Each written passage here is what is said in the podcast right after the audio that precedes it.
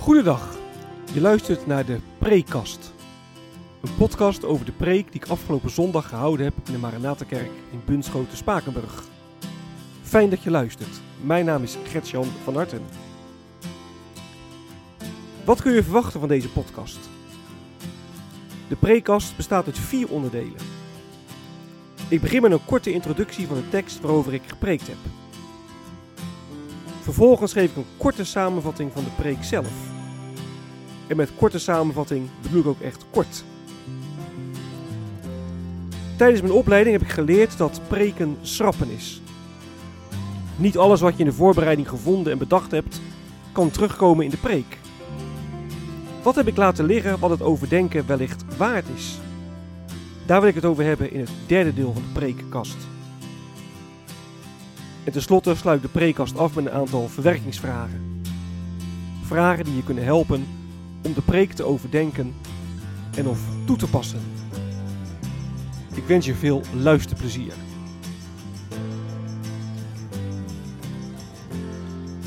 De tekst.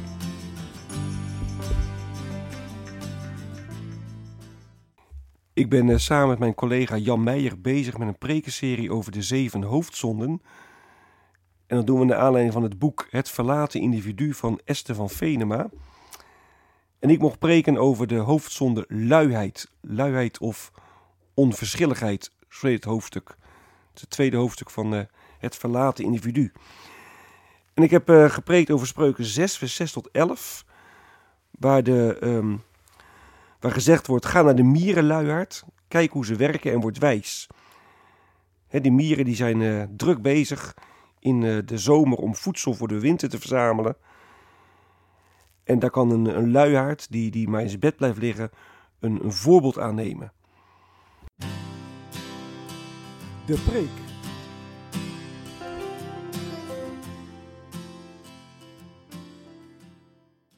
Het thema van de preek is luiheid is des duivels oorkussen.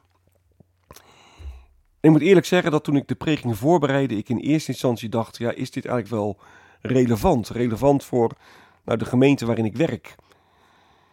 Ik ben uh, predikant in Bunschoten Spakenburg. En Spakenburgers, ja, daar kun heel veel van zeggen, maar niet dat ze, dat ze lui zijn. Hè, Spakenburgers zijn over het algemeen harde werkers. Ze staan vroeg op en ze maken lange werkdagen. En ze zijn niet beroerd om, om de handen uit de mouwen te steken. Maar toen ging ik me verdiepen in luiheid. En toen kwam er eigenlijk achter dat luiheid veel meer is dan ja, een beetje achterover leunen met je arm over elkaar. En luiheid is maar niet, niet niks doen, maar luiheid, dat is innerlijk passief zijn. Luiheid, dat is ja, onverschillig zijn. En dat is een gevaar dat ja, eigenlijk alle mensen wel uh, bedreigt. Nou, hoewel mieren hele kleine dieren zijn, kunnen wij mensen veel van de mieren leren. de mieren die verzamelen in de zomer zoveel graankorrels dat ze in de winter kunnen overleven. En dat doen de mieren ja, met elkaar, dat doen ze samen. En dat is een belangrijke les voor ons. De mens is een sociaal wezen. En we zijn geschapen om, om verantwoordelijkheid voor elkaar te dragen. Maar ergens zijn we dat als maatschappij toch wel ja, verleerd. We leven super individualistisch. En dat is een vorm van luiheid. Onverschillig zijn richting elkaar. En daarmee zijn we op onszelf aangewezen en dat maakt ons ten diepste erg eenzaam. Als je niet, als je niet op elkaar betrokken bent, dan ben je lui. Dan ontstaat er een, een leegte in je ziel. En eenzaamheid, ja, dat wordt wel eens de, de volksziekte van de eeuw genoemd. En het komt voor onder zowel jongere als oudere mensen. Nou, mieren zijn in de zomer druk bezig met het slepen van graankorrels. Ze leven niet alleen maar voor het hier en nu, maar ze zijn bezig met hun toekomst. En dat moeten wij mensen ook doen. Onze toekomst is de komst van Gods nieuwe wereld. Maar wij kunnen zo druk zijn met alles en nog wat, dat we daar helemaal niet mee, mee bezig zijn. En dan werken we misschien wel 60 uur in de week, maar dan zijn we ja, geestelijk gezien echt lui. En zo wil de duivel ons in slaap sussen. Want wie slaapt, die heeft geen oog voor God en geen oog voor zijn naaste. wie slaapt, die zijn ogen dicht heeft, die kijkt niet uit naar de komst van Gods koninkrijk. En daarom de, de waarschuwing in de tekst: wees niet lui. Want als je, als je lui bent, ja, dan leef je niet in verbinding met God en met je medemens. Dan mis je je bestemming in het hier en nu.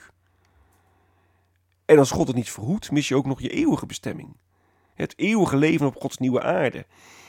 En de Bijbel zegt, hè, straks op nieuwe aarde, dan, ja, dan zal God alles in alles zijn. Alles in allen zijn. Nou, de duivel die moet daar niet aan denken. En de duivel die, die probeert uit pure haat richting God, ja, koste wat het kost te voorkomen dat wij eeuwig met God leven. En daar gebruikt hij ook de zonde van de luiheid voor. Zo wil hij voorkomen dat we onze bestemming missen. Word wijs, zegt de tekst. En volgens het spreukenboek ben je wijs als je ontzag hebt voor de Heer. En dan kun je lezen in Spreuken 1, vers 7. En God is ons ontzag meer dan waard. Want we kennen God in en door Jezus Christus. Wij kennen God op die manier als een God van, van liefde, een God van genade. We kennen Hem op die manier als een God aan wie we ons echt kunnen toevertrouwen, aan, ons, aan wie we ons kunnen overgeven. Nou, wees niet lui, want luiheid is des duivels oorkussen. Het maakt je eenzaam, het zus je in slaap. En daardoor kun je zomaar je bestemming missen. Wees daarom wijs. Wat is blijven liggen?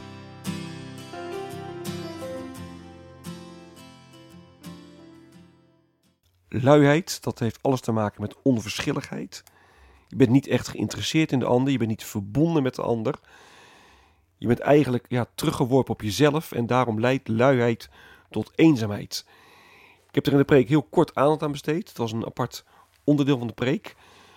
Maar je zou het natuurlijk veel meer kunnen ja, uitwerken. Je zou een aparte preek over eenzaamheid kunnen maken. Zeker ook omdat er vandaag de dag heel veel eenzaamheid is. In de preek zei ik al dat eenzaamheid wel de volksziekte van deze eeuw genoemd wordt. Nou, wat doet eenzaamheid met een mens? En hoe kan het evangelie van Christus daar ja, bevrijdend in werken?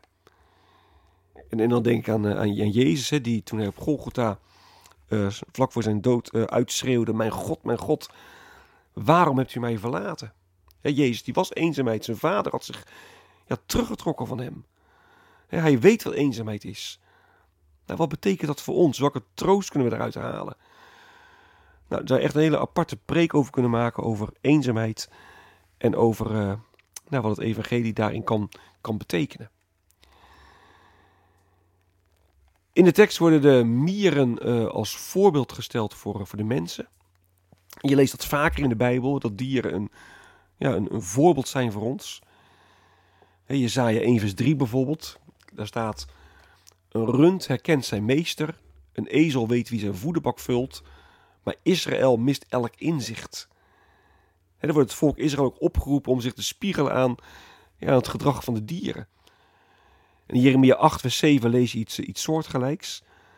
de ooievaar aan de hemel, de tortelduif en de gierzwaluw kennen de tijd van hun trek, maar mijn volk kent niet de orde van de heren. Ook daar weer zie je dat Jeremia zegt, nou kijk nou naar de dieren, zij zijn wijs, zij kennen de tijd van hun trek, maar jullie, mijn eigen volk, jullie ja, weten niet wat ik wil. de wijsheid van God, die, ja, die schittert in de schepping, die kun je terugzien bij de dieren, terugzien in de dierenwereld.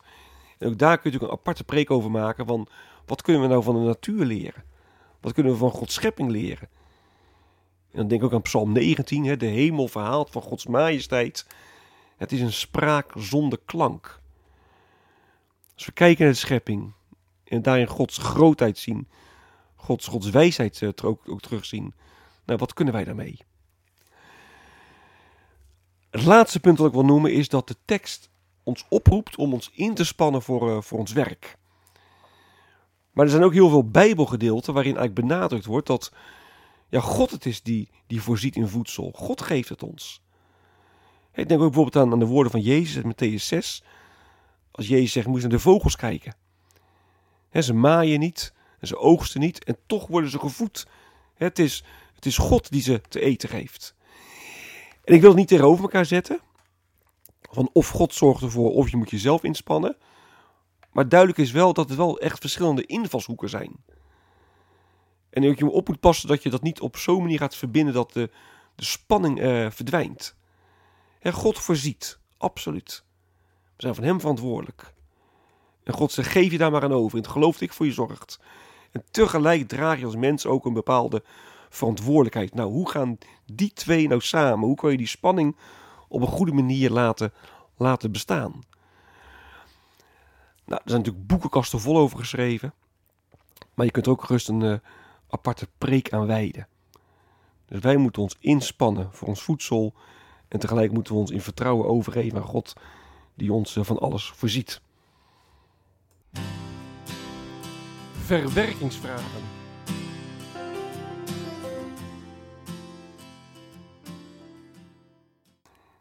De preek ging over luiheid.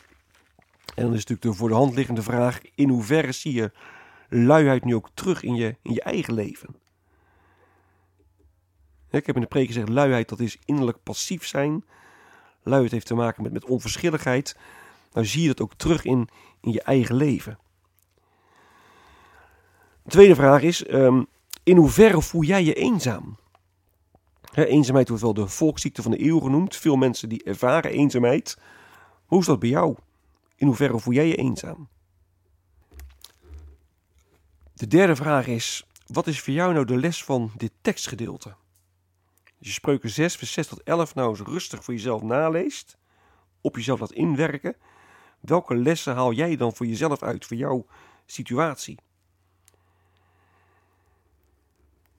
En de laatste vraag is: in hoeverre ervaar jij dat je al dan niet in overeenstemming met je bestemming leeft? ik heb de preken gezegd: je bestemming is dat je in het hier en nu met de Heer leeft. Dat je zijn vrede ervaart, dat je door hem gedragen weet. En je eeuwige bestemming is dat je straks op de nieuwe aarde voor eeuwig met God mag leven in de volmaaktheid, in de heerlijkheid. Dat is je bestemming. Nou, leef je ook in overeenstemming met je bestemming. Leef je nu al met de Heer. Kijk je vol verlangen uit naar wat komen gaat of niet? En hoe zou je dat, dat verlangen kunnen voeden? Hoe zou je ervoor kunnen zorgen dat je meer en meer in overeenstemming met je bestemming leeft? Dit is het einde van de prekast. Mocht je vragen of opmerkingen hebben, dan kun je me mailen op mailadres van hartengretjan.gmail.com van hartengretjan.gmail.com ik wens je nog een hele prettige dag. Hartelijk dank voor het luisteren. En wie weet, tot een volgende keer.